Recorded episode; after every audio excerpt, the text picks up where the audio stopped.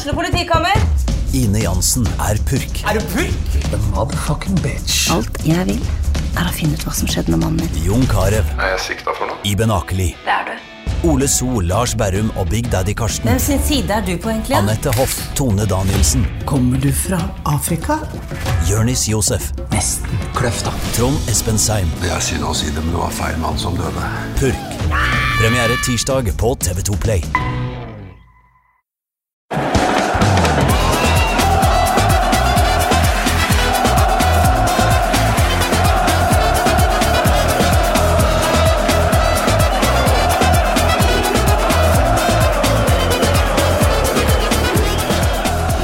Forrige lørdag var vi så nærme svenske tilstander på norske tribuner som vi noensinne har vært. Kommende lørdag så skal de svenske tilstandene nå nye høyder når tidenes innspurt i Allsvenskan skal avgjøres. Og da må vi jo snakke om svenske tilstander og svensk fotball. Velkommen til Pyro Pivo nummer 125, fotballsmølere. Med oss har vi Djurgården-supporter Jakob. Velkommen. Tackar, tackar. Ikke noe etternavn i dag. Inte något efternamn idag. Ja, det er mystisk og deilig. ja, det ska vara lite mystiskt tycker jag. Hva Hvor skal vi begynne? Altså, du er eh, fan av Djurgården. Hvorfor? Ja, det är en fråga jag har fått eh, ganska ofta. Det finns egentligen inget riktigt svar på det tror jag. För jag har ingen eh, riktig släkting eller någonting som håller på Djurgården.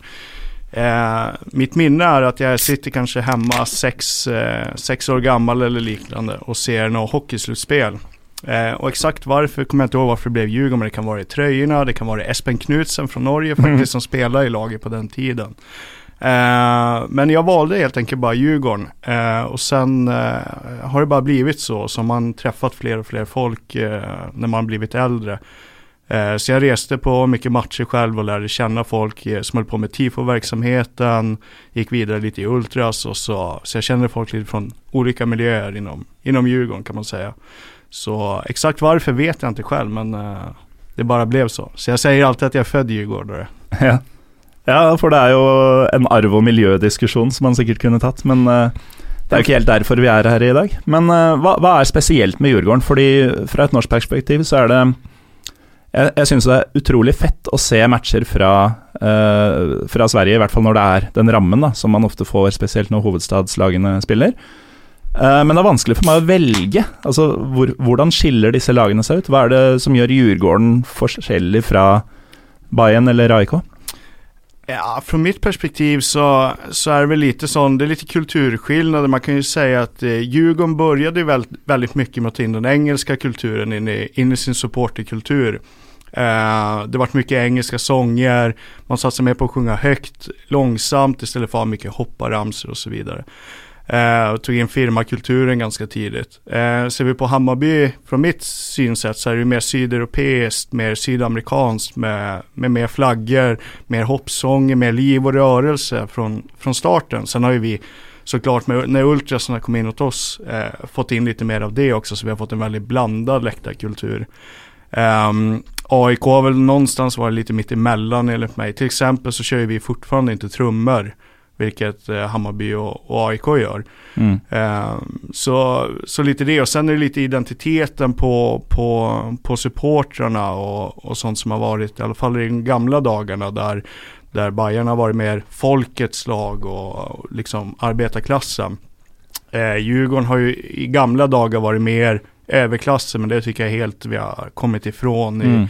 idag utan nu är det mer vad håller ens vänner på, familj på och så vidare som avgör mer det. Eh, men Bayern har ju varit väldigt duktiga på att ta in folk eh, på läktarna som inte kanske har varit fotbollsintresserade tidigare, vilket jag tycker de har varit bäst på i, i hela Sverige.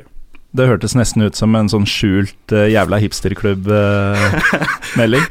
Eh, ja, kanske det. Jag vet inte vad min eh, kollega här bredvid eh, i Bayern här säger sen, men ja, enligt mig är det ju lite så. Shots fired. eh, Theodor Kjell, Ja, ditt eh, ikke noe sånn eh, anonymisering her, selv om jeg trodde at det var det. ja, Kjell er etternavnet. det stämmer. Jag får ganska mycket frågor om det både i Sverige och i Norge. Ja. Eh, heter du Kjell i efternamn? Ja, jo, jag gör det. Jag skyller på morfar. Eh, Som men heter Kjell till efternamn. ja, han tog sig det efternamnet för han kom, Mm. eh, han kom till stan från, eh, ja, från Bygda. Så han eh, kom från en gård och i Stockholm kan man inte gå vid gårdsnamn liksom. Så fick han ta sitt namn och då blev det Mm. Kjell, tänker jag. Öppna Ja. telefonkatalogen typ. Det er jo jævlig enkelt. Ja, ganska Bortsett enkelt. fra all forklaringa som kreves etterpå. Ja, jag är ju en sån som gillar enstaviga efternamn generellt liksom. De gör sig bra, eh, både liksom, eh, alltså när man ska bli ropad på. Mm. Mycket enklare att liksom ropa Kjell än, än Gallåsen liksom. Ja, det er i det hele tatt vanskelig å si Galåsen. Jeg sier det jo feil selv. Det skal være Galåsen. Alltså du är gal liksom. Ja, jeg nekter. Men, Men, du kanske eh, är lite gal. Ja Jo, ja. Kanskje. Det, det føltes sånn på lørdag som var, i hvert fall. Men eh, Theodor, du er uh, Bayern, Hammarby. Yes, det stämmer. Um, litt samme Eller kan jo egentlig starte med skuddet fra din side her. Eh, er dere en hipsterklubb? Det var ju egentligen du som sa det. Men det känns som att du försöker, försöker skapa en stämning som, eh, ja, den kommer ju komma så småningom. Nej, alltså jag förstår var, var det kommer ifrån. Eh, det har ju blivit, alltså Södermalm och södra Stockholm som är den geografiska tillhörigheten till Bayern eh, har ju blivit allt mer alltså, gentrifierad de senaste åren. Eh, det vill säga att det har flyttat in mer och mer rika människor, barnfamiljer, folk från olika delar av Sverige. Och egentligen har väl typ många av bayern supporterna istället bara skjutits ut längre ut i de södra, södra förorterna.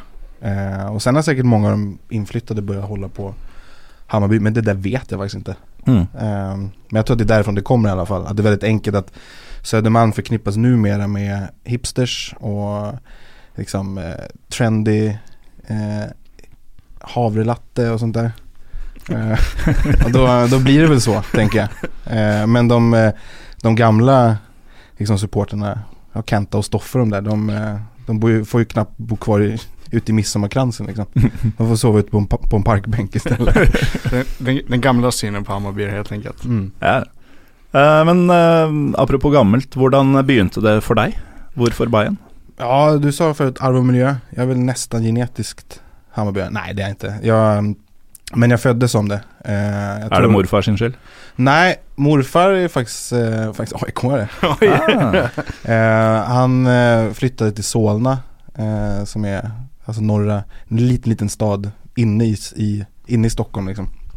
Tänk om, om Lilleström hade varit omgärdat av, av Oslo liksom. Mm. Så hade liksom, det fortfarande varit en stad där, men det ligger en stad runt omkring. Ja. Så, så det er det Solna er? Altså Mm. er de omringet av Stockholm? Ja, lite som typ Vatikanstaten. Ja, En enklave? ja, ish. Ungefär. Ja, Där kan de gärna få vara också. Förenklat. Och nu finns det inga AIK som kan försvara det. Ja, vi tar dem. nu tar vi dem. Eh, nej men eh, han, han flyttade dit och blev brandman. Eh, på Solna brandstation och blev brandmästare och sådär. Eh, och då jobbade han typ, alltså han är en sån här som kan snacka sig in överallt. Så han jobbade ju på Råsunda med springa och bära bår till exempel. Och det finns någon bild någonstans när han står bredvid Pelé och sånt där. Och när det var någon eh, uppvisningsmatch och. Så han är en sån som liksom syns överallt och snackar Mm. in överallt. Men han har väl aldrig varit jättestor supporter. Det handlar mer om att det var där han bodde liksom. Ja. Eller där han arbetade. Men farsan däremot, ehm, han är han är bajare. Jag tror att han blev det lite på trots, för han är också från norrort. Allt bra med deg? Ja, det är bra. Jag var ölen som var på väg upp. Eh, bara i gasform dock, så att det är lugnt. Men, ehm, nej så att eh, jag tror han blev lite på trots liksom. För han, eh, han är uppväxt i norrort och väldigt många av hans klasskompisar höll framförallt på AIK. Eh, och då blev det så här, ja men fan, Bayern är mycket skönare. Och så Mm. började han hålla på dem och sen när jag föddes 92, så jag är ganska ung, beroende på vem du frågar. Eh, två veckor gammal så blev jag medlem i Hammarby idrottsförening. Så det var ju Mm. liksom, jag hade ingen val. Nei, I was da, strong armed. da er du faktisk født inn i det. Ja, det er. Eh, men eh, hvordan har det vært, da? Å, å ikke ha noe valg, og leve med de eh, Altså, det har vært noen oppturer, men veldig mange nedturer med Ja. Hammarby i din levetid. Ja, jag tror att liksom eh, Jag kommer ihåg vårt guld såklart. Jag var nio år gammal. Vårt enda, enda SM-guld. Och sen, men jag tror mitt första Hammarby-minne var liksom någon bortamatch. På andra halvan 90-talet, så här, typ 96, 97 kanske. Mot Häcken. Jag tror det var torsk eller så här 0-0, 2-2 eller något sånt där. Eh, jag minns inte så mycket av det, men jag minns bara så här, det, ja, det är väl så här det ska vara. Det var liksom ett normaltillstånd från början. Eh, och sen så vann vi guld och så trodde man liksom att ja men fan vi, vi är ju bra ju. Och så går Djurgården och vinner de andra, andra SM-gulden på första halvan av 00-talet. Så när jag växte upp så var det ju väldigt mycket, väldigt mycket djurgårdare på skolan och, och i klassen. Mm. Vi flyttade ut på öster om stan, ut mot skärgården, ut på Värmdö. När jag var liten. Och där var det mest hockeykillar. De flesta höll på Djurgården. Mm. Eh, och så var det jag och, och Svampen som höll på Bayern liksom.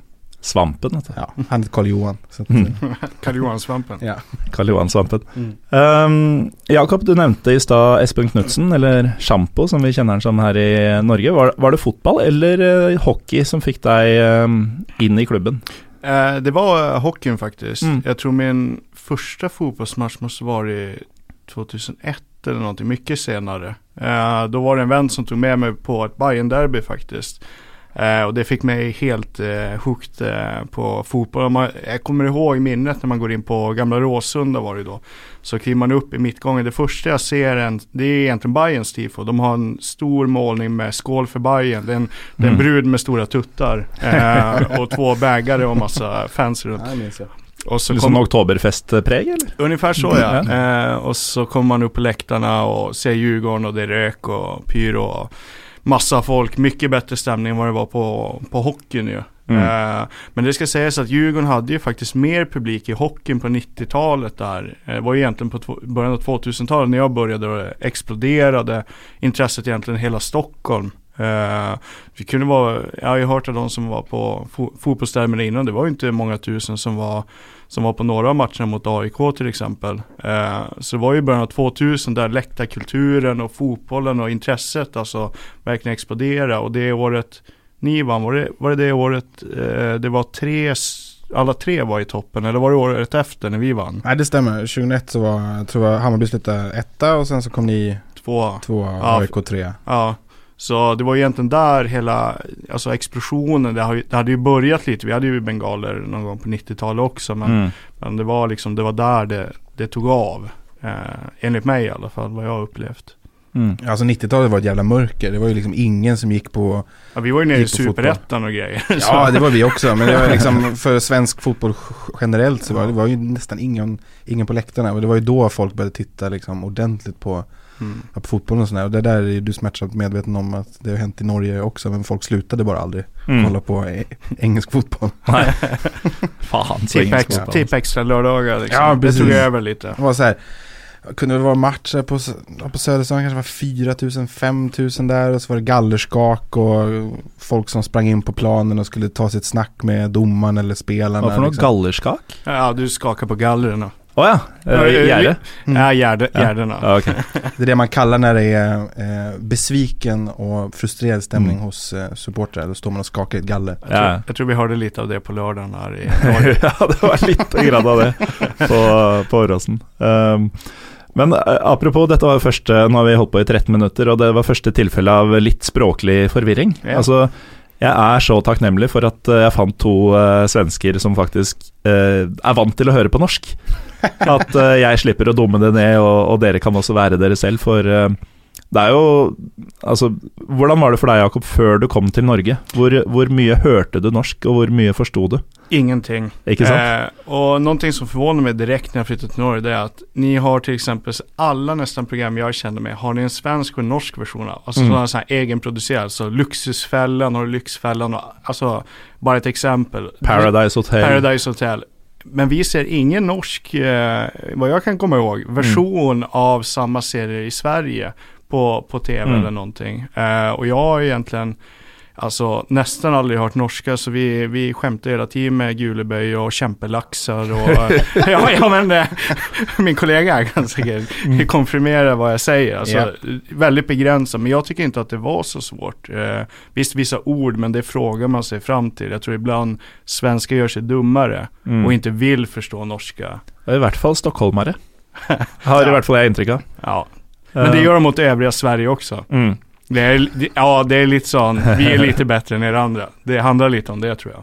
Jo, men det, det er litt sånn, er det ikke det? Jeg, jeg delte leilighet for noen år tilbake med en fyr fra mm, Kungsbakka. Å ja. Han var jo selvfølgelig Han var veldig inn i norsk kultur. Da. Han elska Fleksnes og, ja. og, og sånne ting. Og, Jon, Jon Skolmen. ja, ja, ikke minst Jon Skolmen. Sånn gammel norsk humor. Det syns han var fantastisk. Og han eh, vi- Hvis vi overhørte noen andre svensker ute på byen, eller noe sånt, så kunne han mumle litt sånn aggressivt sånn 'Stockholmere'. han, han var så vant til å bli behandla som sånn second class av, av dem.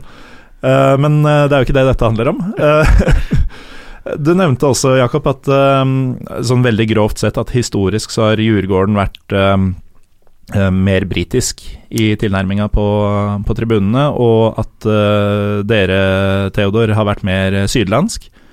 Eh, og i tillegg til at Djurgården da også er et bra hockeylag, eh, så er det jo lett for meg å tenke litt sånn overføring til henholdsvis Vålinga og Lillestrøm. Mm.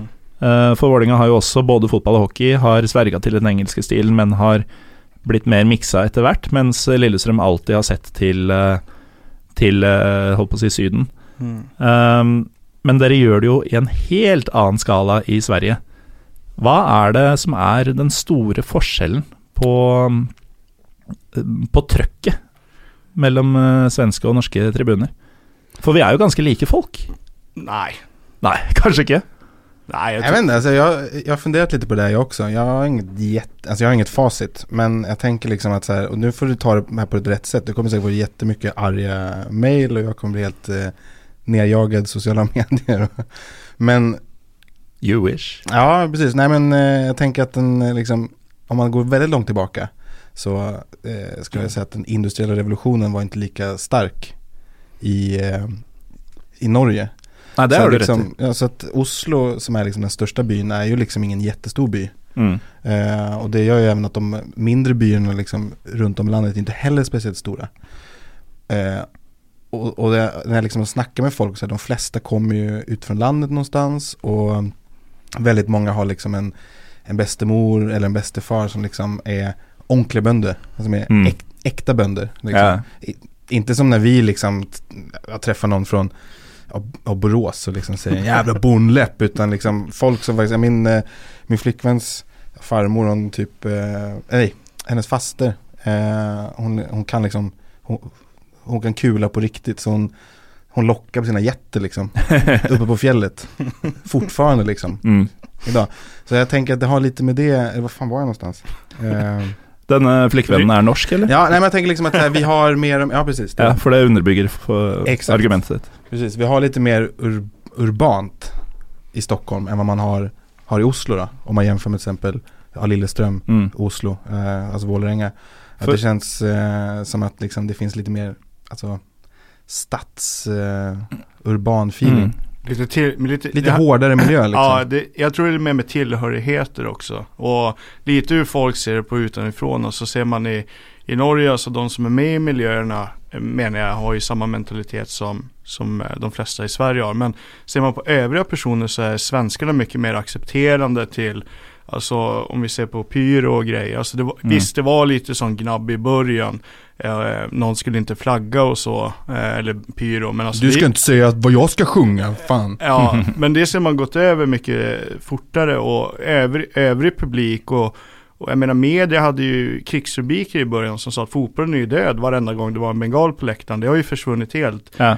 Eh, och jag tror att media är en stor del i till att underbygga det här med att vanligt folk bara det, det här är så dåligt, det här är farligt. Och då, och då får du opinionen emot dig. Eh, Mm. och då blir grupperingarna mycket, mycket mindre, är svårare att rekrytera.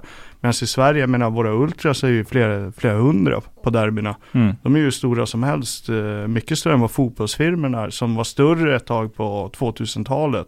I början av 2000-talet, det är fortfarande 2000-tal, men, men i början så var firmorna det stora när Football Factory det kom, kom till. Då, var ju, Ja. då tog ju det över, men idag är ultrasarna mycket större och populärare. Som har mycket lättare att rekrytera yngre in i sig. Det finns yngre grupperingar och så vidare. Så jag tror det är lite som vad media och synen av resten av samhället också gör, Mm. gör med, med det att Sverige är mer accepterande. Bränner någon en bengal på en läktare så är ingen, ingen som grinar över det i Sverige. Media har slutat Ja. och, och övrigt folk och det är klart om någon kastar eller så på folk då, då är det inte bra. Men, Mm. men så länge det är på läktaren så är det ingen som, som lägger sig i det längre. Nej, vi hadde jo en episode om eh, svensk fotball, men da var det to uh, baggar Den har jag faktiskt, eh, som den har jag der. faktiskt i- lyssnat på. Den är två, ja, i år någonting. Sesong én, så det det, ja, over to år siden. Um, og da ble akkurat dette med et hardere samfunn uh, tatt fram som en uh, en av årsakene til at man har kommet så langt, hvis man kan si det, på svenske tribuner. Um, men så er det jo også det du sier om media. Fordi én ting er jo at kommentatorene har jo normalisert dette med pyrobruk og sånn. Det er sånn Ok, nå hørte vi en banger, nå det betyr at det blir fem minutters pause. Det er liksom prosedyren, og det er ingen som hisser seg opp over det. Eh, I mellomtiden snakker de kanskje om hvor kult det er med all ståket, eh, men at eh, Ok, sorry, nå var det noen som gikk for langt, liksom den greia der. Og I tillegg så så jeg etter et derby for eh, ikke så veldig lenge siden. Husker ikke hvem som spilte, for disse lagene møter jo hverandre. Det, det er så mange derbys Sverige. Ja, Eh, men da var det jo sånn at i avisen etterpå så var det jo bedømming av tifoene. Og en del av tifoene var jo pyroteknikk, blant annet. Og det var terningkast, og det var forklaring på hva er referansene de bruker på dette banneren og sånn. Det, det var jo et helt annet nivå enn vi ser her i Norge. Ja, men alltså ser vi 15 år sedan i Sverige så är det som jag säger, då skrev media istället att nu dör fotbollen. Mm. Och det har ju helt förändrats. För det här var någonting nytt och skrämmande som man inte har, som man har varit med om innan och fotbollsförbundet sa att det här ska vi inte ha någonting av. Och det liksom blev en skrämselpropaganda men när, de har, när vi har haft det så länge och liksom det händer inte så mycket som, Mm. som alla säger. Eh, nej, det vi- blir, ett, det blir mer ett normaltillstånd liksom. Exakt, det är det det är det, Mm. det är. Nu har ju vi fått problem med, med polisen och där vilket är olyckligt men, men eh, så vi går ju tillbaka till en hårdare miljö igen. Men, eh, men jag tycker att så länge det sköts snyggt eh, så är det bara en bidragsgivare. Det tycker jag även media, de använder ju reklamer och grejer. Ja, och, Mm. de, och det är en grej man märker att så här, jag tror att eh, man ska inte underskatta att, att sportjournalistiken i Sverige har liksom genomgått ett generationsskifte. Så de Mm. största liksom tongivande journalisterna på Sportbladet och Expressen framförallt har blivit lite yngre. Du har liksom till exempel ja, typer som Anoa, Anoa Bachner då, som eh, liksom har försökt förstå liksom supportrarnas eh, ja, kultur och sånt där istället för bara liksom som de här gamla gubbarna som liksom sitter, ja nu brinner det igen, och fan de förstör allting och så har man liksom istället försökt liksom man, åk- ja, man, ja, man sätter sig på en supporterbuss och följer med på en bortamatch och, och liksom man försöker förstå och sätta sig in i den här kulturen och man liksom skriver om den och man inser att eh, man, det är ju helt vanliga liksom killar och tjejer som står där och bränner bengaler och, och viftar med flaggor. Det är liksom inga jag vet inte, det, ibland så kändes det som så för 10, ja, 10-15 år sedan när det var de här krigsrubrikerna liksom, när det var så här Här dör fotbollen och Mm. sånt där. Då var det ofta så här att man målade upp en bild av att de här supporterna som stod där och brände och kastade. Yrkeskriminella liksom. Var, precis, var yrkeskriminella. Man hade importerat folk från, eh, ja, från fängelse liksom, Aha. direkt från kåken. Men så är det ju inte. Det är ju universitets ja, studenter, folk som jobbar på café, det är folk som jobbar inom vården, skolan, det är liksom alla möjliga liksom, Vi hörde ju faktiskt liksom. senast Clans eh, talesmannen gå ut och säga att eh, det var ju 13 stycken eh, importerade ju- Isco Boys från Stockholm. eh, som hade ställt till med oroligheterna. Alltså, Det var vel i Dagsavisen, tror jeg, at jeg kunne lese det. Alltså tog Ja. det ju spinn, men det var ju ett skämt. eh, Mm, nej. Ja, men det jag- var ju en spök. jag- jag höra. Ja, han säger kanske det nu, men det är, det är sånt som kan göra det så väldigt dumt i alla fall. Mm. Liksom att det, det är liksom, så börjar det i Sverige också, att ja, men, eh, det kommer ju folk från någon annanstans och de, de Mm. Gör det här, men liksom, det, är- det är ju inte så där. Uh, ja, det blir lite löjligt tycker jag ibland. Men det, men det er jo noen bånd mellom eh, miljøene i eh, enkelte norske og svenske klubber. Altså, vi vet jo at eh, det eh, Det har ofte vært eh, Hammarby-fans på Lillestrøms side Det i, i vi. disse matchene. Det har eh, i hvert fall AIK noen ganger med klanen, eller med Vålinga, eh, historisk. Så det at disse besøker hverandre og har personlige bånd, eh, det vet vi jo. Mm. Men at svenskene skal få skylda for det som skjedde på Vi har haft en sån här friendships-debatt nu på, framförallt på Twitter de senaste, senaste året. i Hammarby.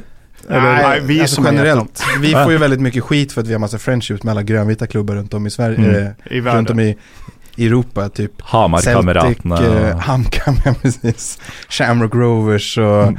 vad är det, Sporting Lissabon och sådär. Men, Panathinaikos, sikkert. ja, precis. Men, Fast eran eh, firma är ju ganska känd för att ha med lite all, allt möjligt. Ja, KGB säkert. Eh, jag är inte så insatt i just, eh, just firman. Men jag vet att det var ganska dålig stämning mellan just eh, KGB och- och DFG. Alltså Ja, det är eran sektion. in, inte den bästa åren. stämningen. eh. På, på väldigt, eh, väldigt trist, ska jag säga. Det har spilt över på civil, eh, civilbefolkningen och gör sådana här Mm.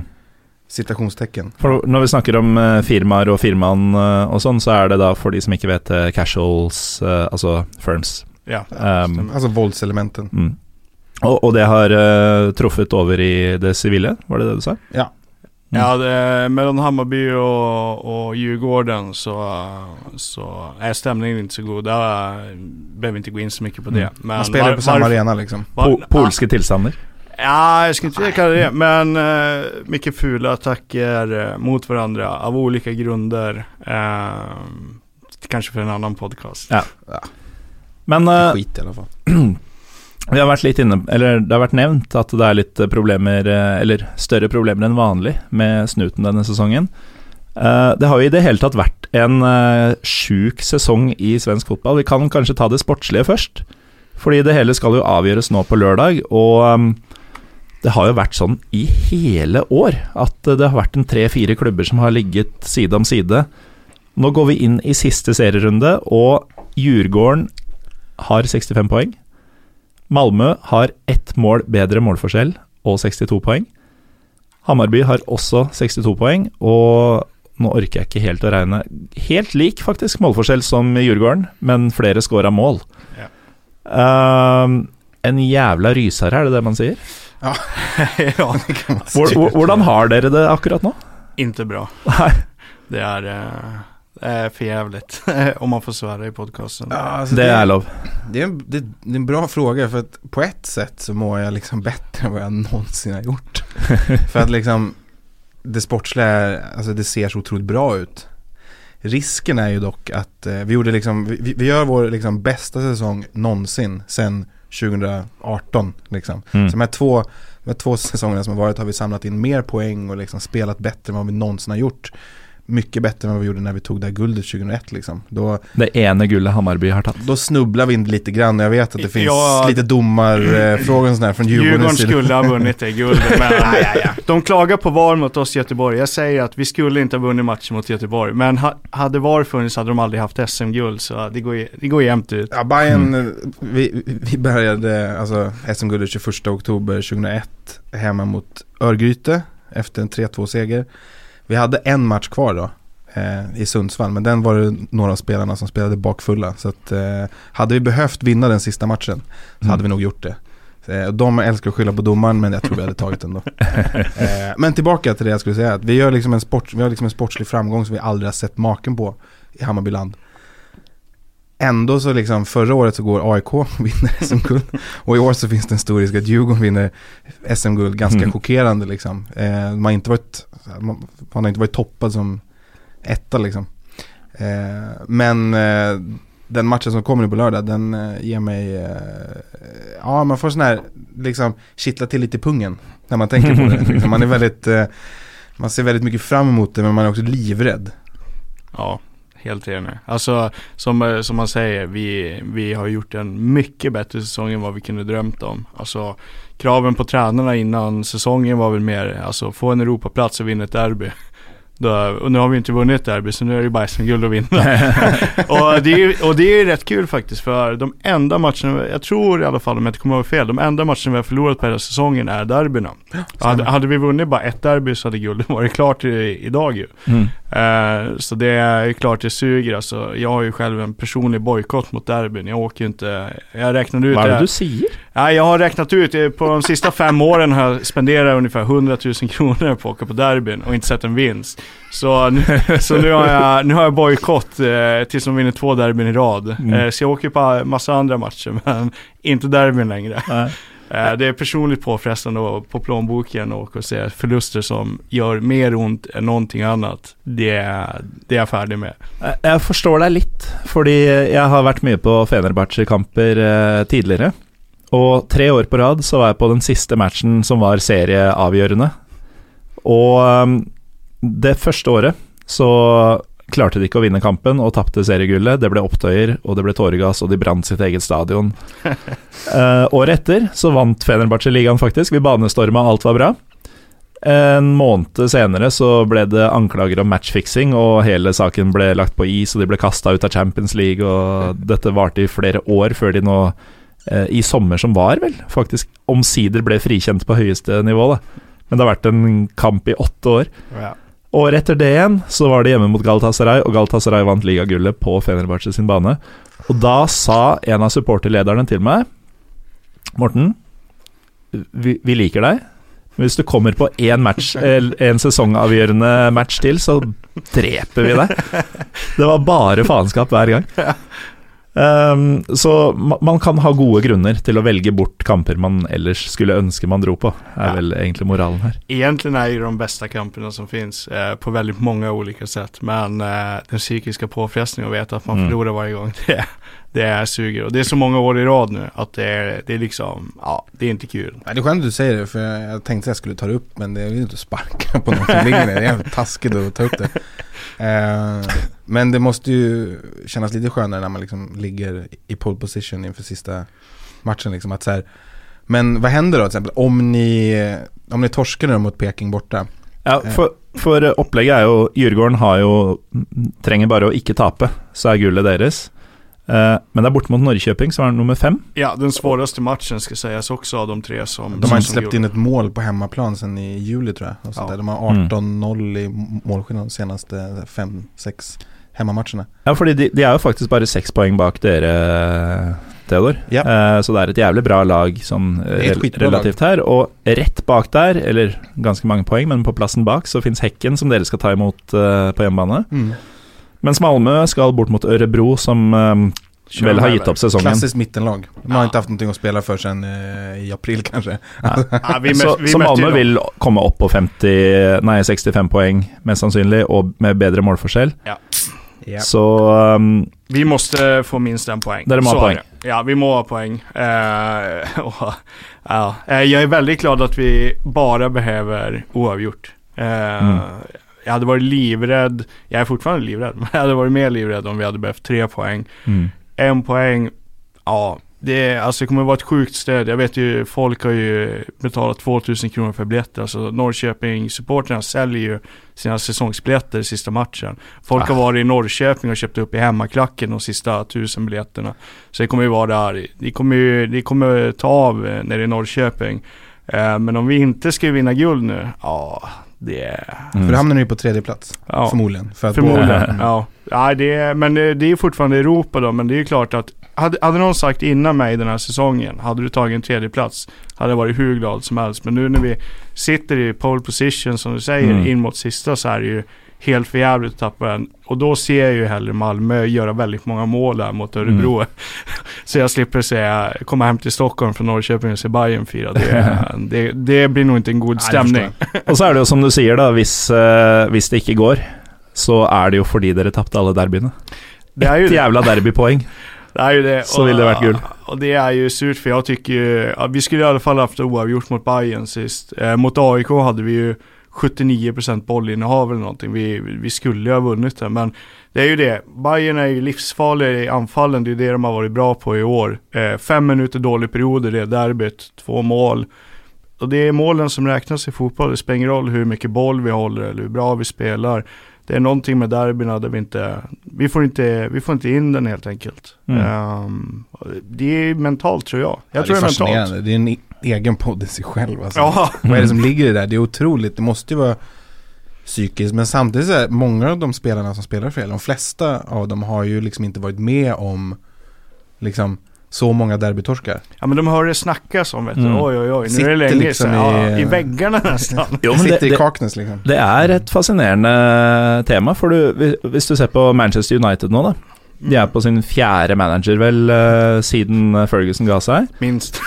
Brukt milliarder på milliarder på milliarder. Hatt masse forskjellige spillere, masse bra spillere, masse bra managere, for så vidt. Får det ikke til. Lillestrøm, eh, mitt kjære Lillestrøm, er jo på tolvte året på rad eller noe sånt i nedrykksstriden. Vi har jo ikke hatt de samme spillerne i tolv år. Vi har ikke hatt de samme trenerne i tolv år. Det bare Det sitter. Mm. Man kommer seg faen ikke ut av det. Ja. Men eh, tilbake til noe lystigere, altså gullstriden i, i Sverige. Theodor, tre poeng bak. Kan det gå? Det kan det. Eh, är det någonting som Bayern har visat i år är att vi kan göra mål. Vi har ju haft... Eh, Målrekord va? Ja, vi slog målrekordet eh, i 16-lagsserien då. Det finns ju något så gammalt målrekord från eh, säsongen 57-58 där det spelades 33 omgångar och jag tror det var IFK Göteborg här, gjorde 92 mål eller någonting. Okej. Eh, men det var ju på 50-talet också, så man kommer ihåg att det var en annan tid. Ja, liksom. exakt. Men eh, det nuvarande målrekordet i 16-lagsserien, vi, har ju, vi gick ju från 14 lag till 16 lag om mitten av 00-talet. Ja, jag kommer inte ihåg exakt det var, men Ja. det stämmer. Och Kalmar eh, gjorde 70 mål säsongen 2008 när de tog guld. Kalmar. Elmbröderna var det väl? Ta- Kalmar. Ja, tre, tre bröder vet du, som dominerar svensk Ja. fotboll. Med Nanne Bergström i rodret. Liksom. ja, det var fint. Men eh, så då, då gjorde vi två mål borta mot Östersund nu i eh, söndags. Och så har vi gjort 71 mål eh, på 29 omgångar.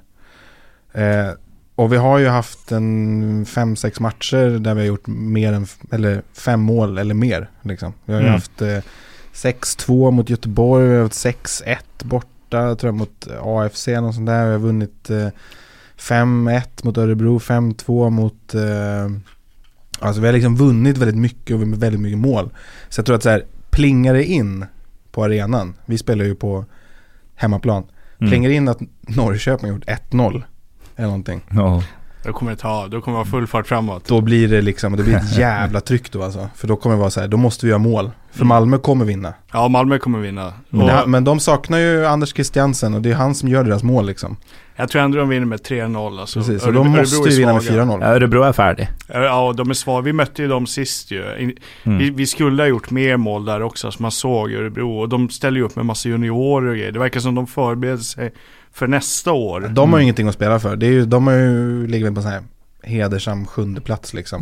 Men det er likevel merkelig, da, når du har eh, to av eh, gullkandidatene på de to siste matchene, at du begynner å eksperimentere og ikke bare går all in for å Ok, vi kan ikke gå sted på tabellen, men vi kan i hvert fall Beholde make a heden. mark, ikke sant? Ja. ja, det tycker jag också. Och det är ju väldigt många som har snackat om att så här, Peking har ju, alltså, alltså Norrköping har ingenting att spela för. Eh, men eh, sen har man ju så också så här, de vill ju inte att Djurgården ska fira guld på parken. Nej, vi har ju gjort, eh, nej det var inte hos dem förresten, det var ju i, det var Örebro när vi rev Ja. hela skiten. På Bern Arena. Jag menar så här, vem fan vill se ett annat lag, särskilt ett Stockholmslag, komma och fira guld på ens, ja, på ens arena? Jag menar, Vi har ju en historia där i en premiär, då, re, det var, då rev vi faktiskt eh, nästan hela stället. För eh, då hade vi lite samma problem som nu, alltså de har ju en familjeläktare som är på samma kortsida som bort, bortafansen. Mm. Och, och vi, alltså både Järnkabinen och alltså det som man kan jämföra med klanen eller Kanariefansen i Norge. Hovedsupportergruppa. Huvudsupportergruppen gick ju och sa till polis och till klubbar att men ge oss hela eh, liksom, kortsidan så kan ni flytta dem till sittplats då. Nej, nej det sa de så, alltså läktarna stormades ju så de fick ju ändå flytta de här barnfamiljerna bort för folk, fast, un, folk, folk stormade- mitt under match liksom. Ja, det, ja, ja exakt. Det var ju så, så, och nu har ju folk, eh, bland annat jag, köpt årskort. Eh, var vi 1000 kronor på familjeläktaren.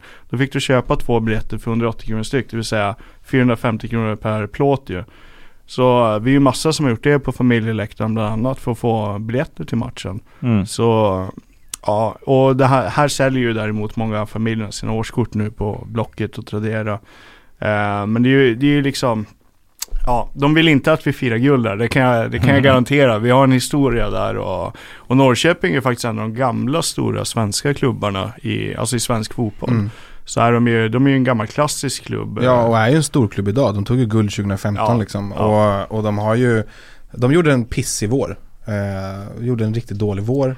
Det är därför de ligger sex poäng bakom. Men hade de liksom fått till spelet lite tidigare. För nu har de, eh, kanske efter Hammarby, den bästa formen liksom. Ja, ja, Hammarby har ju också gjort en helt sjukt, eh, sjuk höst alltså. Det, Vi har ska sägas. 12-1-1 de senaste 14 matcherna. 12 Mm. segrar, en, eh, en oavgjord och en torsk. Och det var borta mot Peking. Mm. Alltså. Torsk er bra uttrykk. Ja. det var man väldigt opptatt av här i, här i Norge liksom. Ja. Jeg forstår nøyaktig hva du mener når du sier torsk. Ja. Få en sån slängd i, slängd i facet liksom. Men eh, det jeg har observert eh, denne sesongen, da, hvis vi går over på hvordan supporteråret har vært i eh, 2019. Én ting er jo at eh, vi har sett uh, tilskuerrekord, vel? Var det på Friends eh, sist? Eller ble det ikke rekord?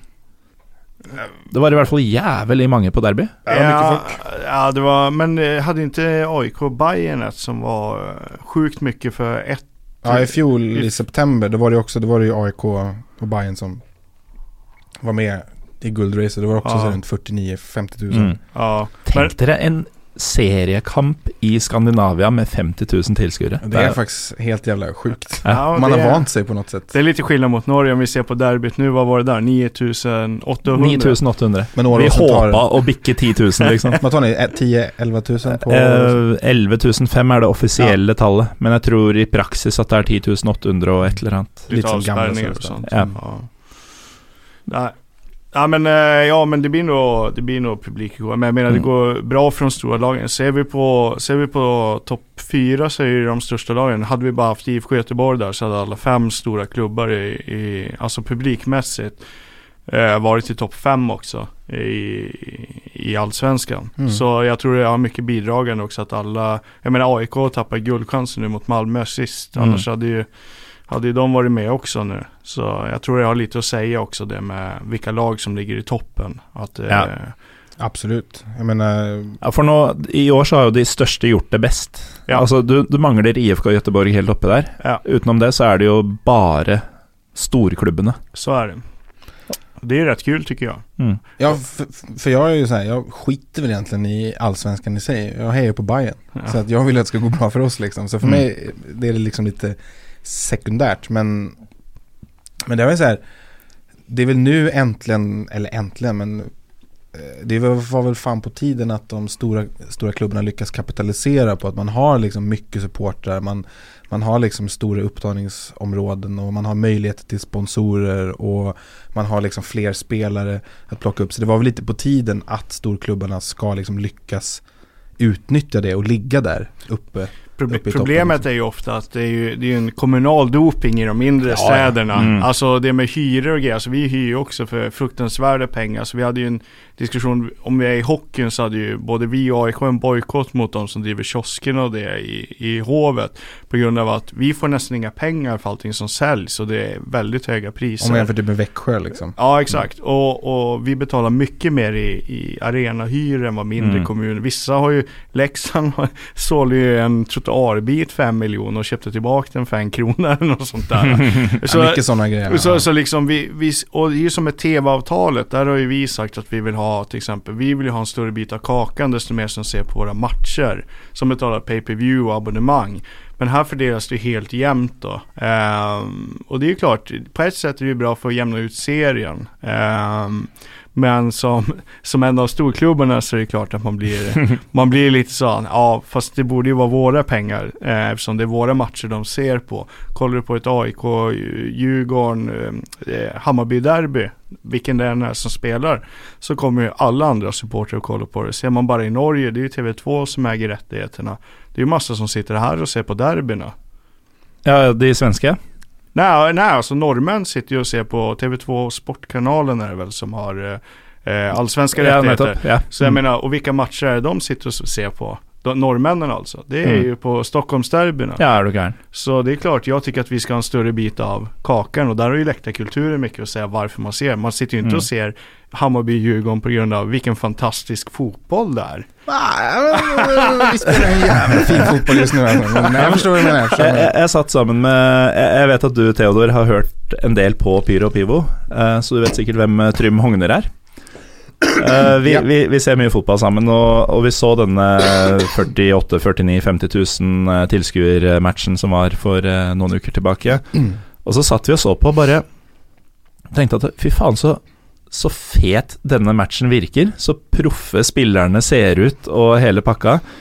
Vi vet jo at disse spillerne er på nivå med det vi ser i Eliteserien hver uke. Eh, kanskje litt høyere, kanskje litt lavere, men veldig, veldig jevnt. Men det føltes mer som å sitte og se på en Serie A-kamp og sitte og se på en eh, Bundesliga-kamp. Og det sier litt om hvor mye ramma har å si, da. Absolutt. Eh, selvfølgelig for de som er der, Ja. men også på TV. TV, Det finns ju ett klipp eh, från i år när eh, vår, alltså vårderbyt mellan eh, AIK och Hammarby på Friends. Och också så väldigt mycket folk, runt 40 000 och sånt där. Och så hade vi någon protest mot eh, av polisen som vi kommer komma in på sen. Mm.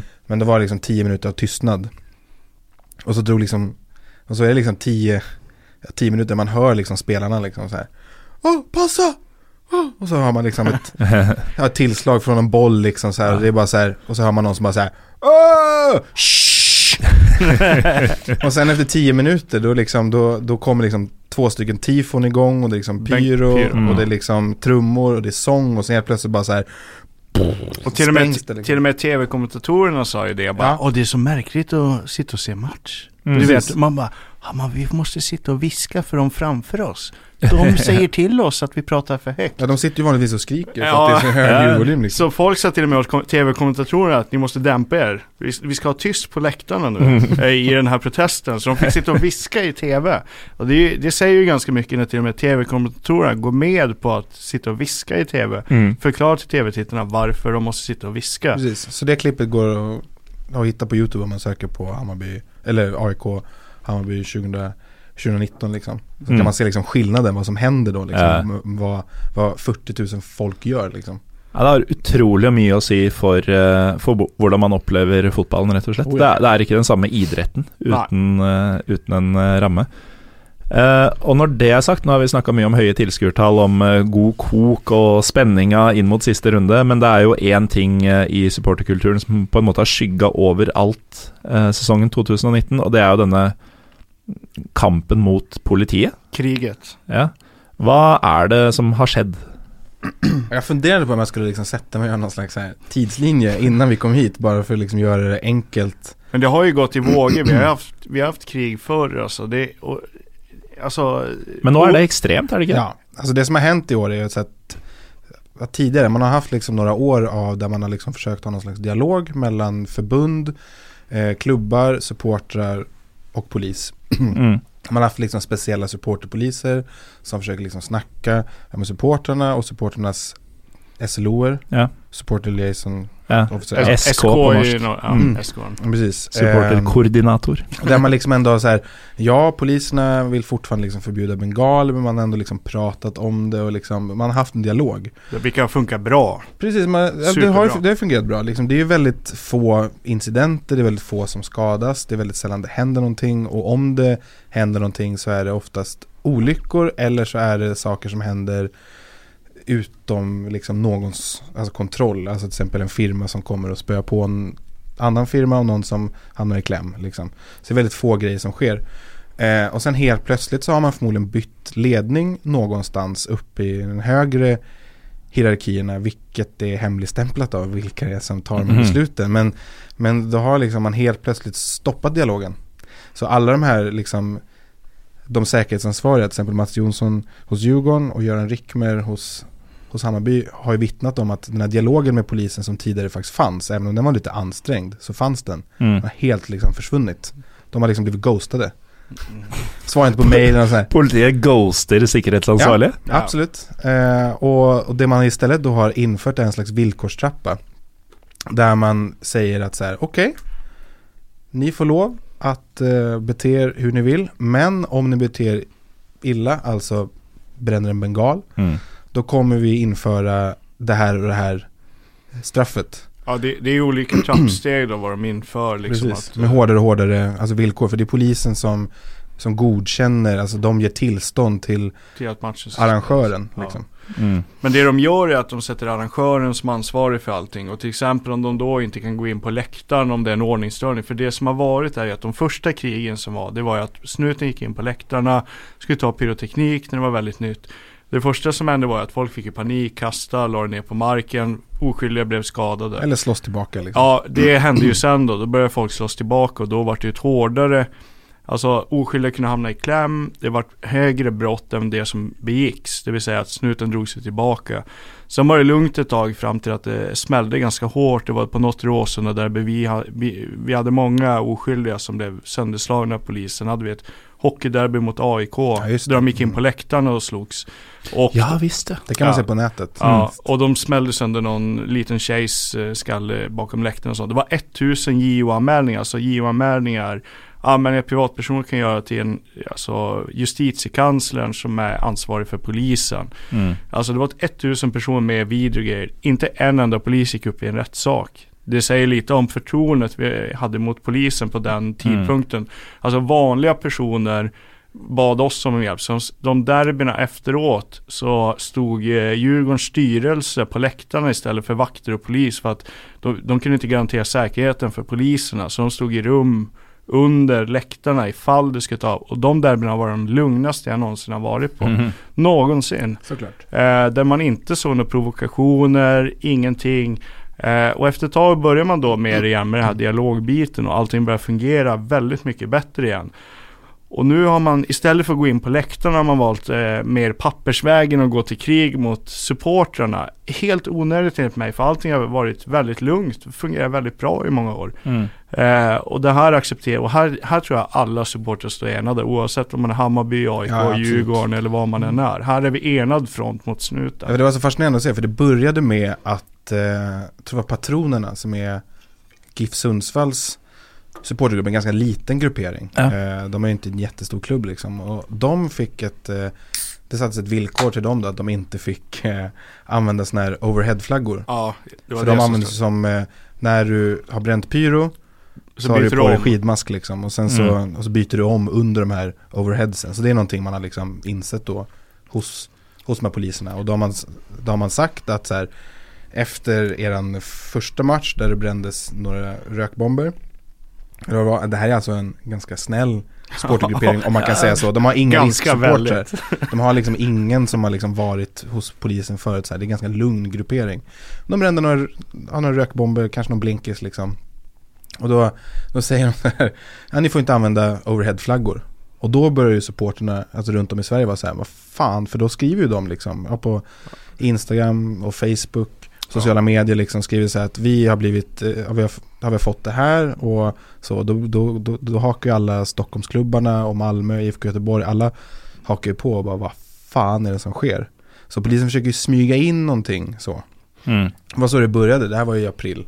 Och sen ja. har det bara eskalerat och nu har det kommit till att man, att man har AIK dragit ner publik. AIK fick ju igen nu, eh, sista hemmamatchen. Eh, och de hade väl redan sålt biljetterna också. Ja, jag tror att det var något sånt. Så och helt plötsligt kommer snuten bara, nej det finns, ni måste dra ner på platserna. AIK har redan sålt biljetterna. Så jag är lite osäker hur de, eh, hur de ska lösa det här. Men Precis, för det man har börjat med är sådana här publikneddragningar då. ja, Man har liksom ståplatserna sagt, blir mindre och mindre. Ja.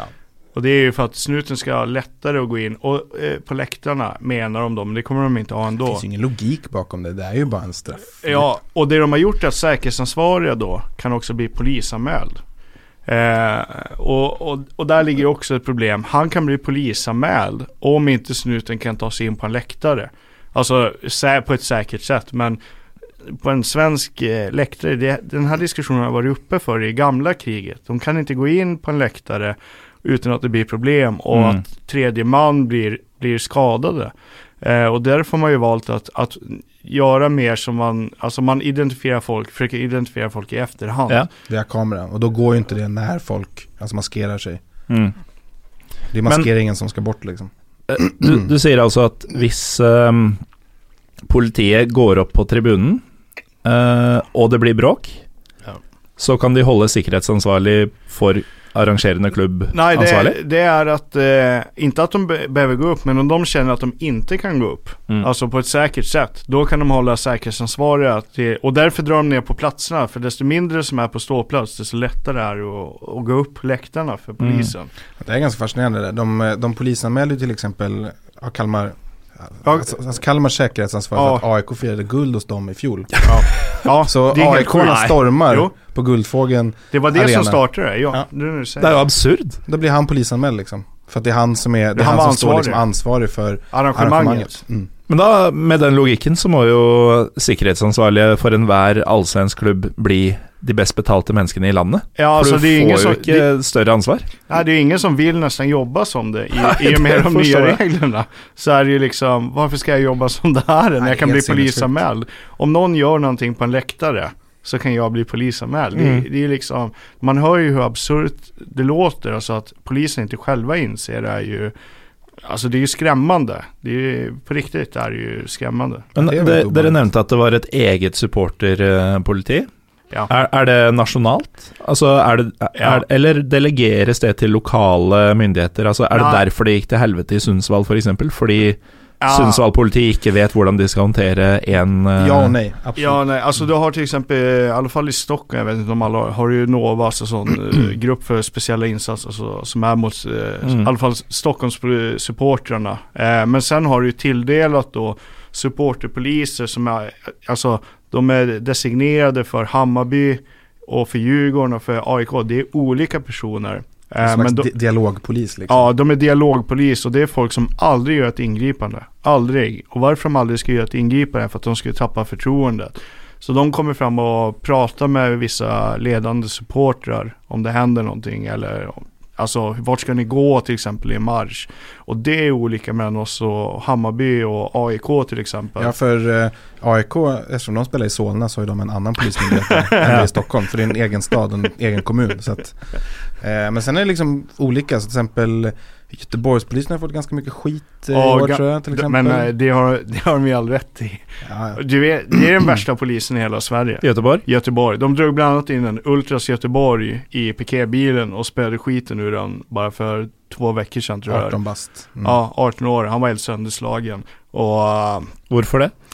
Nej, vem vet? Vem vet? Alltså, det finns ingen anledning, även, om han nu skulle ha begått ett brott då, så finns det ingen anledning för piketpolisen att dra in honom i en buss och säga att nu ska du få din jävel och så slå skiten Mm. ur honom när han är 18 år. Finns ingen anledning. Jag vet inte vad han har gjort eller inte. Men att eh, gå till de längderna och där, eh, Mm. där menar jag att Göteborgspolisen är eh, bäst i Sverige. Nummer ett. Bättre än Stockholmspolisen på att behandla supportrar Nej, dåligt. men eh, med risk för liksom låta lite konspiratorisk så är det ju så att... Oh. Eller vänta, det var Malmöpolisen förresten. Det var det säkert. De Ja det var det, för det var en, Göteborg, det var en Göteborg i Malmö. Jag ber om ursäkt till Göteborgspolisen. Nå gir dere mm, bensin på bålet til han kompisen min fra Kungsbakka, for nå er dere sånne der stockholmere som bare Ja, Göteborg, Malmö, samme faen.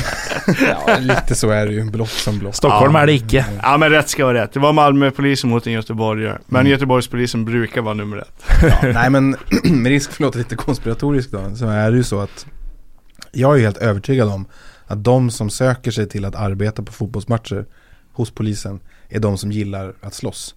Och då har du liksom, det finns två, två stycken grupper i samhället som det är okej att spöa på utan att liksom samhället reagerar speciellt hårt. Och det är, det är fotbollssupportrar och, och det är bruna människor som bor ute i förorten liksom. Terrorister också. Exakt, så det är liksom så här, du har den här att så här, du vet att så här, fo- ja, fotbollssportare de har på sig masker, de ser farliga ut, de Mm. håller på och kör styrketräning och drar kokain och sådär. De får man ju slåss med. Eh, så det är liksom den bilden man försöker måla upp då, liksom, att du försöker liksom polarisera. Och sen så har du de här poliserna då som liksom älskar att slåss.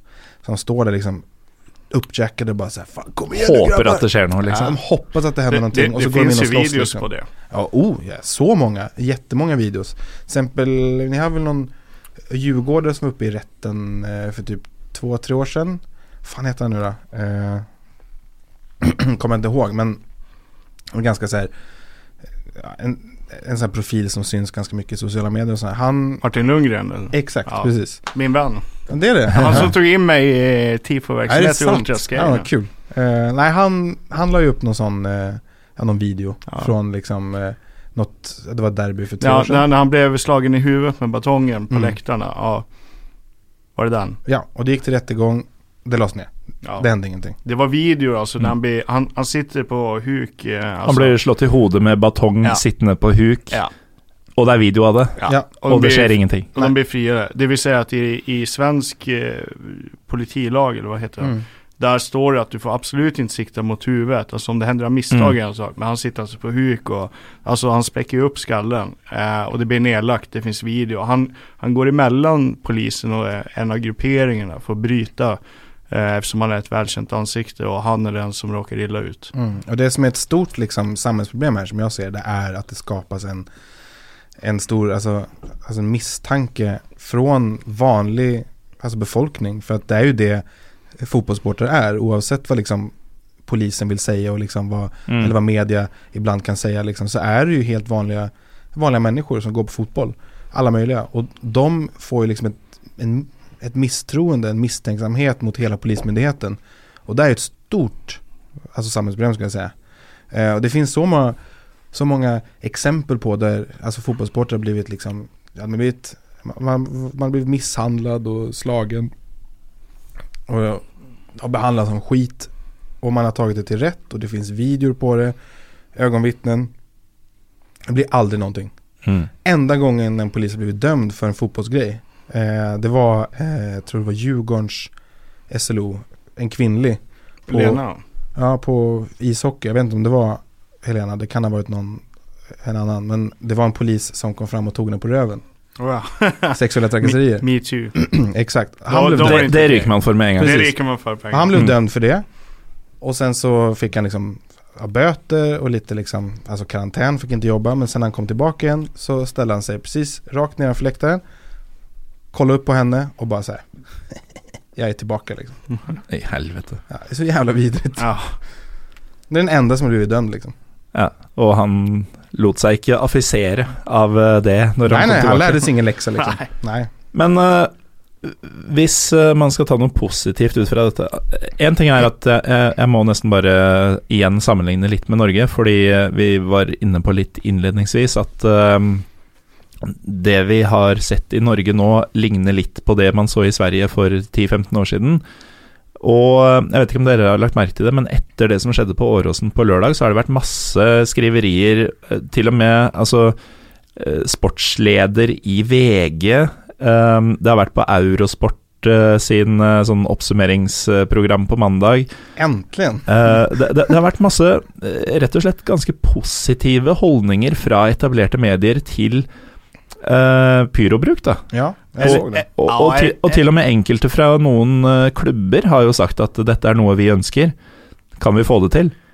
Eh, og så vet vi at det kommer til å ende med ingenting. Men, eh, men det er en opinionsendring som, som vi virker å se. Og så er det jo sånn at kampen i Norge har vært mellom supporterne og fotballforbundet. Men i Sverige, den krigen vi ser nå, så ser vi jo at eh, det er jo ikke eh, Sveriges fotballforbund som er problemet, for en Nej, gangs de sitter tyst på sidan och säger ingenting. Och ett sida. Grei, greit nok, men, men eh, så ser du at eh, på et derby så kommer jo spillerne ut med T-skjorter med støtte til fansen. Absolut. Og dette er ikke Dette er liksom ikke en sånn derre eh, Supporterne våre har blitt eh, arrestert i Kongo. Dette her supporterne våre blir undertrykket av politiet, som vi faktisk er avhengig av. Likevel så går vi ut med, eh, på banen og viser vår støtte til dem. Det er ganske fett. Ja. Det är väldigt coolt. Väldigt coolt att se. Och det, och det ska sägas också att ehm, Ja men alltså vi hade ju ett krig mot förbundet för länge sedan, SVFF då. Alltså vi, Fotbollsmördare. Ja, eh, och det är ju över. Nu är det över mot, eh, mot polisen. då. Men det man ser i media, att viss, vissa media försöker verkligen att göra det lite sånt som vi hade för 10-15 år sedan. Det här med att eh, krigstillstånd och grejer. Men när du ser ledare och spelare och sånt kommentera så älskar de det. Mm. Eh, de vill ha en eh, ramme runt, eh, som ni säger på något, alltså en bra inramning runt matcherna eh, i Norge för att det är så dött på så många matcher. Och det här är ju någonting som bidrar till intresset och så ser vi på ett Stockholmsderby får vi över folk från Tyskland, från England, från Italien som Mm. kommer och ser derbyna. Det är ju inte för fotbollen, de har ju bättre fotboll där de kommer ifrån. Ja, ja. Men det, det är ju sportkulturen och, Mm. och liksom jag tror att det är därför svensk fotboll alltså har blivit så intressant. Är ju på grund av supportkulturen. Alltså norrmännen säger att vi vill inte ha svenska till, tillstånd. Okej men vad är det som är så farligt med de svenska tillstånden? Det, kollar vi på 80-talet tillbaka, i 90-talet var det, mycket, my, var det mycket grövre. Ja, Bara för tio år sedan. Ja, alltså när jag började, när jag var 13 år och åkte tunnelbanan, eh, vanlig Djurgårdströja, så hörde jag fyra aik i samma ålder, inga firmankillar eller sånt. Som bara, ja, kolla en djurgårdare, ska vi ta han? Och du sitter och bara, nej, hoppas inte de kommer. Mm. och så kommer de fram bara, djurgårdare, så sitter du i Djurgårdsmatchtröja och bara, Ja, och så bara, så smäller det liksom. Det var, det var, det var liksom så det var. Liksom, du kanske inte vill helt dit, men alltså på läktarna menar jag att det är liksom Ja, det, ska, det skapar ett intresse kring fotboll. eh, Så jag tror att det Mm. bara är, är bra för norsk fotboll. Kanske inte bengalerna på, på banan då, men alltså Allting annat är helt för som hände på lördagen till exempel i derbyt här. Jag Mm. tror det bara skapar intresse. Och jag tror spelarna och lagen gillar det. Sen kan han Geir Elfsen, det ska jag flika in, han kan ju bara avgå. Fan, Ja men han, han, han, tar sig en position. Eh, Altså, har, har du noen gang sett et bedre eksempel på fotballmafia Nej, Nej, fan. enn det Geir Ellefsen drev med på han försöker överstyra domaren. Domaren ska komma till han om Mm. han är osäker på vad han ska göra. Han ska inte komma till domaren och säga att han ska avbryta matchen. Det är domaren som bestämmer det här. Han går in på banan som en jävla gud där vet du och säger att vi ska avbryta matchen. Mm. Utan att det är hans rättighet att göra. Eh, han kan ju bara avgå om han lyssnar på det här. Eh, tenkte Det litt er på akkurat den situasjonen tidligere i dag. Og så tenkte jeg at eh, hvor jævlig fett hadde det ikke vært om eh, Lillestrøm eh, sin sikkerhetsansvarlig hadde sagt til vaktene Fjern han der, han har storma banen, han har ingenting der å gjøre. Og så ser du vaktene ta han, eh, to mann med vergegrep, ut av eh, tribunen. Som flaxar med sina jävla armar och bara... Jeg, jeg, jeg begynte å dagdrømme om det scenarioet Ja, i stad, og da, og da merka jeg at buksa mi ble litt for stram. Känner det? Jag är helt, jag är helt enig i den alltså. Han, eh, han kan nog, eh, alltså, och han är ju en gammal polis också. Ja, Som är väldigt anti allt med läktarkultur att göra. De Så där att jävla poliserna, vad fan kom de in i idrottsförbunden för? Vi har en i Sverige med liksom. mm. Som jag kan snacka om sen, för han är också en stor anledning till allt det här liksom. Det är Ja. helt fascinerande alltså. Ja, men de, de liksom luskar sig in i sådana här positioner eh, och försöker liksom kväva allting eh, så, som, som, alltså, som händer på läktare. Alltså all utveckling, det är mer som, man vill ha amerikanska tillstånd om vi ska prata om olika tillstånden. Ja. Där man pratar om, ja men äta popcorn och betala 100 kronor för en bil. Ja, är- är så för har laget flytta fra Oslo til eh, Alta. Ja. Fordi der er det folk som liker å spise popkorn mens de ser på idrett, men de Ja, lite, lite sånt. Där finns det Mm. pengar. Där är mycket som folk som eh, vill, eh, vill handla popcorn. Vi har världshistoriens första lag som spelar på en oljeplattform. Alltså mitt ute i Nord, mitt ute i Nordsjön liksom. mm. Ja. eh, men eh, hvis vi skal gå eh, Vi nærmer oss egentlig slutten på i hvert fall min agenda. Eh, hvis eh, vi eh, Siden vi har vært litt innom norske tribuner, for det er jo vi, vi, vi må nesten ta litt om det, siden det, det skjedde det som skjedde på lørdag. Eh, Jakob, du, jo, du følger jo godt med på norsk fotball. Ja. Eh, Theodor, hvordan er ditt forhold til Eliteserien og Mm, jag försöker följa med ganska bra. Men det här året så, eh, liksom mitt första hela år där jag bor här. Jag flyttade hit i augusti i fjol. Så Altså, jag du här ny i landet? Ganska ny i landet. Ny landsmann? Jag, precis, men jag försöker ändå så här, hålla, eh, hålla mig lite uppdaterad på lokal fotboll. Men eftersom det har gått så otroligt bra med mitt eget lag Mm. så blir det svårt att fokusera på någonting annat liksom. Men ehm, mitt förhållande till det är att eh, jag har lärt mig att, eh, att Molde är en jävla vidrig klubb som man inte ska tycka om. Ingen argumenter imot eh, Nej, jag vet. Och, i dette studio. Och sen så såg jag, jag såg, fan jag kollade i, tidigare i våras hade jag Eurosport så satt jag och kollade på det brann mot, det minns jag faktiskt inte vilka det var, Mm. om det var Odd eller något sånt där. Men det var, så här, det var någonting med den här, den här bergenska lokalpatriotismen i liksom kubik. Med liksom runt 10 000 pers som alla bara älskar Bergen. Lite Göteborg-stämning. så Ja men det var det var något perverst över det. Så Eller kanske Malmö, jag Brann, kanske så alltså. Malmö, Skåne, de vill ju vara... Ja, det var någonting alltså. Jag vet inte. Det, det, det var Altså, någonting, så det du satte, kröp, du liksom. satte ikke pris på den lokalpatriotismen? Nej, jag tyckte det var lite för mycket. Ja. Så här, för jag, jag Lite Malmö. ju, Ja, men lite så. Jag, så här, skåningar, de vill vara. Danmark. skåningar i grupp. ja. Hemska liksom. Och lite samma nu, alltså märkte jag med bergensare då, att liksom, alltså bergensare grupp kan vara lite, lite väl mycket. Och det var det jag kände och det gick genom, gick genom, TV, gick genom tv-rutan. Och så var det någonting med deras mittbackspar också som såg ut som de här killarna i, killarna i Turtles. Så det, Ja. var liksom, det blev, för, blev på tok för mycket. Bibel Ehm, på Rocksteady. ja, precis. Ja, exakt. De två, de två. Ga- Gamla ungdoms... eller barnhjälten. Ja. Nej men eh, sen är det så här att Alltså Vålerenga och Lilleström väcker inte jättemycket alltså, känslor hos mig. Eh, och det är lite synd.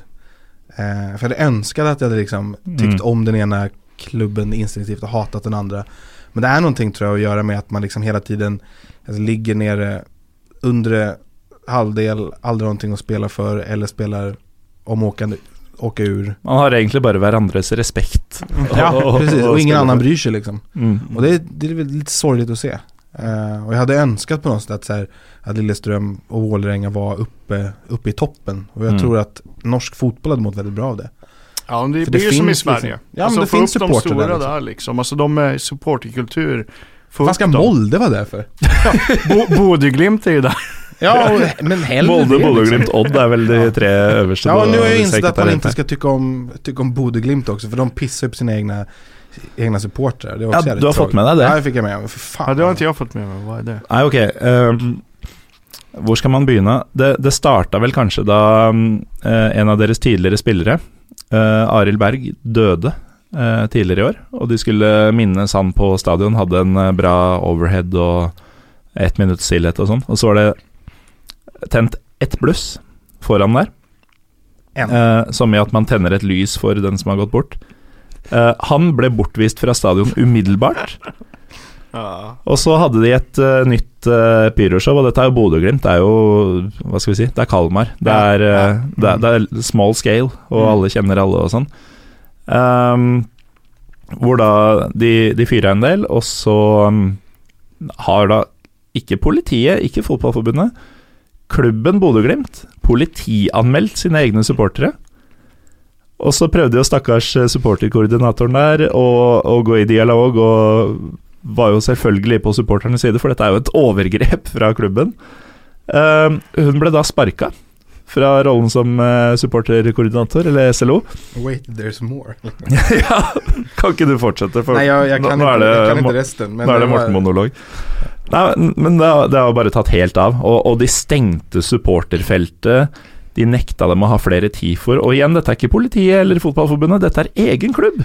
Men där kan vi ju se en direkt skillnad mot Sverige och, och Norge. Alltså Mm. direkt i det med, med läktarkultur. Alltså, jag tror många av de som blir avstängda av Djurgården och Hammarby, det är sånt, det är påtvingat av det som kommer från polisen. Nettopp. Eh, alltså, det kanske man inte ska säga, men de, gör, de kanske stänger av folk eh, på eget bevåg. Men, eh, men eh, för en sån grej, nej jag tror inte det. Så kolla på när Myggan dog nere i Helsingborg. Ja, alltså, då, det var ju inte mycket som Djurgården, alltså alla hedringar vi kunde göra till honom. Det var ju ingen som stoppades från att göra det. De öppnade ju upp Stockholms stadion efteråt och, och sånt. Så att eh, var ju en supporter, inte en spelare då. Men kolla på AIK och Ivan Turina då. Om vi drar ett exempel där. Ja, men apropå AIK så har ju de gjort lite liknande grej som Bodø Glimt nu. Tyvärr. Eh, att de, klubben har en konflikt med sin egen tifogrupp. Ja, För att, och för eftersom polisen är så illa omtyckt nu på Mm. läktarna. så genomsyrar det såklart supporternas syn på polisen i stort. Det var en ganska stor grej i, i fjol när en kille med down syndrom blev ihjälskjuten Ja, ja. av snuten. Eh, för Mm. att han, han bar på en, eh, leksakspistol. precis, och de, det var mörkt och de trodde att han var liksom kriminell. För det var, de, de sökte efter någon just då och så blev det ett missförstånd och de sköt honom med liksom 24 skott i ryggen. Och så. och där blir ju då, om man redan liksom ogillar polisen så kommer du inte gilla det heller. Mm. Och då kom, eh, då kom domen till slut nu då, för några veckor sedan. Alla blev friade, de här tre poliserna. Och det är klart att ingen gjorde det med flit. Men någonting fel har ju skett. Och om inte ens polisen kan bli straffad då, när ska de då bli straffad? Mm. Så då tog det lite, tog ganska många sportare illa upp. Och man känner liksom att så här, här sitter vi i samma båt. Så man, man lagade några sådana här budisar, alltså Budskapsbanderoller. precis. Där man eh, namngav de tre poliserna. Ja. Och sa väl i princip att ni borde skjuta er själva och så. Mm. Och det kanske var liksom att gå lite väl över gränsen att namnge dem. Jag kan ju tycka liksom budskapet i sig är hårt men fair. Men man kanske inte behövt sätta ut deras namn liksom. Förnamn och efternamn liksom. Problemet var ju att klubben sen agerade. Exakt, och då polisanmäler klubben sina egna supportrar.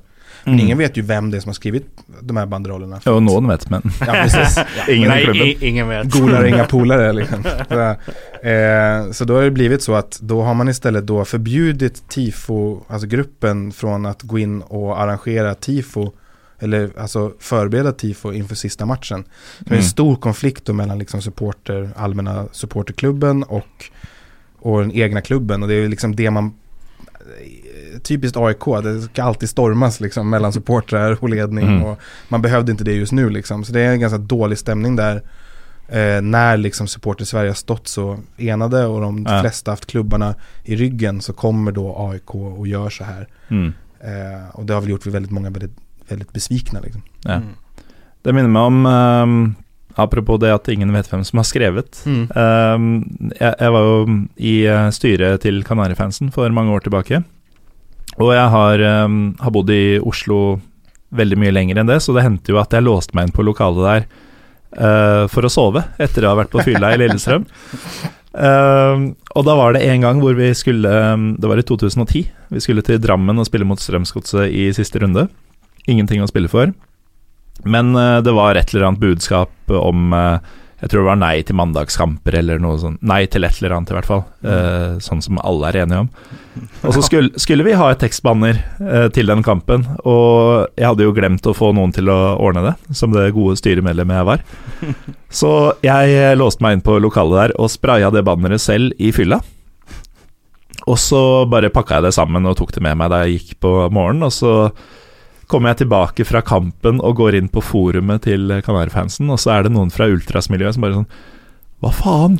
Hadde vi et banner hvor det sto 'ja til mandagskamper'? Og jeg fikk helt panikk, for jeg huska jo ikke å ha, å ha laget det. Jeg, bare, jeg huska at det var gjort. Eh, så jeg gikk jo inn og bare fant så mange bilder jeg kunne, og sånn, og heldigvis da, så hadde jeg skrevet Nei. riktig. Men da det, det var siste gang jeg malte et banner i fylla som vi skulle Ja, bruke på smart. En siste ting eh, om, eh, om deres to klubber, Mm. før vi eh, ser fram mot lørdagen og drar hjem for kvelden. Dette med stadionet. Hvordan kan to klubber som dere dele stadion? Väldigt Og, enkelt. og, og vil du, Jakob, kalle det Nya Söderstadion? Aldrig. Det är, det är ganska enkelt. Eh, vi hade ju en plan på, alltså det här var innan finanskrisen så skulle vi själv, alltså AIK, det är också märkligt, de ska ju få medfinansierat av Solna kommun och Stockholms kommun. Eller Stockholms stad ska man säga. Uh, Friends Arena, det ska bli nya, alltså nationalarena. Ja. Och så skulle eh, Söderstaden rivas, det ska byggas Tele2 och vi tänkte bygga en helt egen, alltså egenfinansierad, för det fanns inte budget till tre arenor. Mm. Eh, så vi hade planerat att bygga en, jag tror det var för 22-23 tusen ute i Östermalm. Som var lite nersänkt, eh, så trädtopparna syntes över, alltså det var någon sån här miljö, alltså att den skulle eh, passa Mm. in i miljöomgivelserna. Eh, men sen, och vi fick finansieringen. Via privata investorer, egna, eget kapital och sånt. Sen kom finanskrisen. Så då hade vi inget kapital. Då fick vi välja Friends eller Tele2. Och jag tycker folk gör en lite för stor grej av det. Vi spelar på Hovet och Globen idag. Tele2 är just bredvid. Eh, jag menar AIK sjunger Söder Family. Om de vet vilken arena de spelar på i hockey. Så, så delar vi arena där också. eh, vi Så dere er sånn leeches i Eh, Stockholmsidretten? Väl, jag skulle, jag skulle säga att vi alla hyr av, eh, av Stockholms stad. Så eh, det gör Hammarby också. Så eh, jag, jag har inget problem med det. Vi har ju arbetat på att få liksom en egen, egen arena väldigt länge. det fanns liksom planer på det vid, ja, vid millennie, ja, vid millennieskiftet liksom. Så att, eh, att det skulle ligga en ny arena söder om Stockholm i närheten av, av gamla Söderstaden var liksom var planerat Mm. väldigt länge. Men byråkrati och liksom bla bla bla och så är det många olika arkitektgrupper som ska in och så liksom går det, tar det aldrig slut. Men sen till slut när den stod färdig, när den skulle stå färdig så går ju Djurgårdens klubbdirektör ut och säger så här, vi ska aldrig flytta till Til Söder? söder, om Stockholm. Och så gör man det ett, ett år senare liksom. Så det har ju vi haft väldigt gott åt i alla fall. Mm. Eh, vår arena där vi spelar tillsammans, den eh, ligger i alla fall i södra delen av Stockholm där vi är geografiskt förankrade. Ja, og, og geografisk så er det jo ganske stor forskjell på de tre klubbene. Eh, Ah, inte det- längre ska jag säga. Eh, visst, de har lite... Altså hvor de kommer da. Ik ikke hvem, hvor fanbasen Jaha okej, ligger. og vart de kommer ifrån? Ja det, ja, det Mm. stämmer. Det stämmer. Ja egentligen inte, för AIK har ju faktiskt bildat närmare oss. Eh, bibliot- Biblioteksgatan. Mm. eller det? Ja. Eh, och de, vi delade ju Stockholms stadion väldigt länge Mm. med AIK innan de flyttade ut till eh, Solna där de var på Råsunda. Så egentligen så, både vi och AIK var ju mer cen- centrala Stockholm tills AIK flyttade ut. Eh, det är många som glömmer det. Men eh, just nu så ja, det vart ju så norr, mer mitten eller vad ska man säga, Mm. centrum, söder. Men om du ser, om du ser idag på supporterna, vi, vi har ju många som bor ute i Farsta och alltså söder Ja, om det är söder. det är, Så det är, det är mer blandat idag än vad det var förr. Mm. Men ja, klubbarna, det är klart, vi, det ska jag inte sticka under stol med. Vi hade velat ha en arena på Östermalm. Så är det. Men om, jag menar, kolla vad arenorna kostar idag. Vad var det Friends arena kostade? Typ fem? Två miljarder Nej, någonstans. tre, tre tror jag var. Mm. Eh, Tele2 var 1,2 miljarder tror jag eller något sånt. Mm. Eh, och jag menar, om du jämför med FCK och Köpenhamn. Alltså deras ekonomi som är så bra, det är också för att de äger sin arena. Eh, och alltså kan hyra ut den till konserter och så vidare. De kan Mm. tjäna pengar på alla intäkter från fotbollsmatcher är deras. Det är ju varken för oss eller Hammarby Mm. eller AIK. Absolutt alt. Alt av konferansebygg og kontorer og alt mulig de kan All försäljning i kiosker, Mm. all biljettförsäljning. Alltså, i- Vi äger ju ingenting av det. Vi, nej, ingen Mm. klubb i Stockholm äger ju, alltså det gjorde vi inte förut heller i och för sig. Eh, Nei, men det, det ville jo vært en mulighet for å løfte svensk fotball, da. det, det har det gjort vill jag säga. Alltså kollar du på både våran läktarkultur och Hammarby så tycker jag att vi har båda tagit steg efter vi flyttade till Tele2. Ja, Speciellt ja. Hammarby. Mm. Vi flyttar ju liksom under säsongen 20, 2013 så flyttade vi till den nya arenan och då spelade ju Hammarby i, i Superettan, alltså Mm. Obosligan. Eh, Men det ska sägas där också. Ni hade inte så mycket fans innan ni började gå uppåt. Nej, alltså vi, 20, jag ska ju också komma ihåg det. Om vi, vi, du snackade förut, precis i början av episoden om att jag kanske inte alltid haft det så himla kul som Hammarby-supporter. Det kan ju stämma. Till exempel säsongen 2011 när vi var en spark på övertid från att åka ur Superettan ner, ner i division 1. Å, fy faen. Nivå tre. Boyasen, finns bara en av dem. Så vi var väldigt nära på liksom, så att vi, vi har ju liksom gått en ganska rak väg uppåt sedan dess. Och ja, det var kanske inte jättemycket folk på, på läktarna under våra fem år i Superettan. Mm. Eh, men det var ju, Det var viktigt för mig att ta upp i och med att Hammarbyarna, de är mer glada i att prata om eh, publiksiffror än resultat. Nu har de börjat bli lite glada att prata resultat helt plötsligt. ja nu, gör ju flest mål. Vi är väldigt målglada, liksom Bayern, vi slår, Men det har, slår det har tagit många år. Det har varit mycket publik om, det eh, det. prat om publiksiffror från Hammarby Det har det varit, det har det varit. Men det, För ni har ju haft bättre. Ja, men jag tror liksom att så här, klubben jobbade väldigt, väldigt, väldigt bra med att få dit folk liksom. Och man lyckades kapitalisera på det. Absolut. Ingen bajare trodde ju innan 2013 kom att säga, vad fan 30 000, vad är det för jävla arena? Den är ju på tok för stor för oss. Ja. Och sen så några år senare så står vi där ja, ja vi har bäst publiksnitt i hela, hela Norden. Ja. Och vi ligger i serien under liksom. För AIK prenumer- prenumererar ju faktiskt förut på, på dem. Eh, innan Bayern tog över lite. Jag tror kanske Malmö vann ett år där någon gång. Där både AIK och Bayern var lite på dekis. Och Malmö låg i toppen. Men annars så Mm. har det varit AIK, AIK, AIK och sen kom Bayern. Men för oss, eh, vi, vi har ju ett motto alltså. Eh, ska inte säga från vilken eh, gruppering Färre det kommer ifrån. Färre men värre. Det, är, det, är, det, finns, det finns mycket historik bakom det uttrycket i många olika sammanhang. Eh, och det Prick, menar vi ju prick, prick. fortfarande. Men eh, helt før vi avslutter, eh, Jakob. Hvem vinner Allsvenskan 2019? Ja, det är Djurgården. Theodor? Bayern vinner på målskillnad. Å, fy faen. Ja.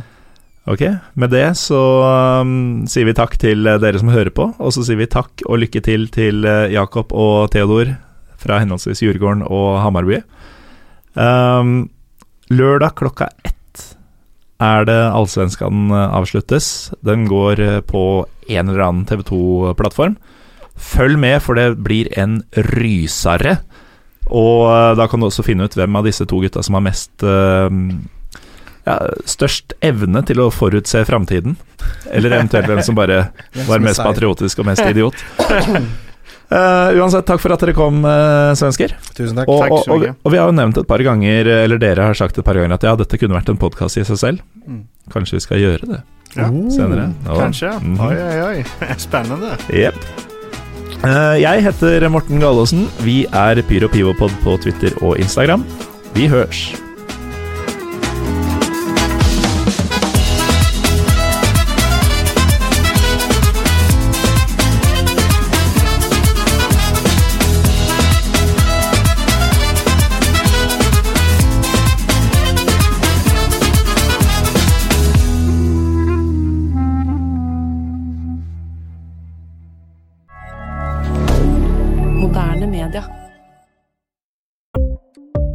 Ukens annonsør er HelloFresh. HelloFresh er verdens ledende matkasseleverandør og kan være redningen i en travel hverdag. Mange av oss har nok vandret i butikken både sultne og uten en plan for middagen, som ender med at vi går for de samme kjedelige rettene gang på gang. Middag burde være dagens høydepunkt. Som HelloFresh kan du nå velge mellom 25 ulike retter hver eneste uke, eller få HelloFresh til å sette sammen menyen for deg. Dette gir deg muligheten til å prøve nye og spennende retter alene eller sammen med familien. Du velger antall porsjoner og får alt levert på døren på et tidspunkt som passer for deg. Oppskriftene er enkle, og maten er lett å lage både for store og for små. Ved å få alt levert hjem får du også mer tid til å dele matgleden med familie og venner. Kanskje det frister med asiatiske tacos eller greskinspirert kylling? Da kan jeg anbefale deg om å gå inn på hellofresh.no. Her kan du bruke koden FOTBALL og få opptil 1779 kroner i rabatt på de første fem matkastene hvis du ikke har prøvd HelloFresh tidligere. Du kan også bruke rabatten hvis du har vært kunde og stoppet abonnementet ditt for tolv måneder siden eller lengre. Gå inn på hellofresh.no og bruk koden FOTBALL. Har du et enkeltpersonforetak eller en liten bedrift? Da er du sikkert lei av å høre meg snakke om hvor enkelt det er med kvitteringer og bilag i fiken, så vi eh, gir oss her, vi. Fordi vi liker enkelt. Fiken superenkelt regnskap.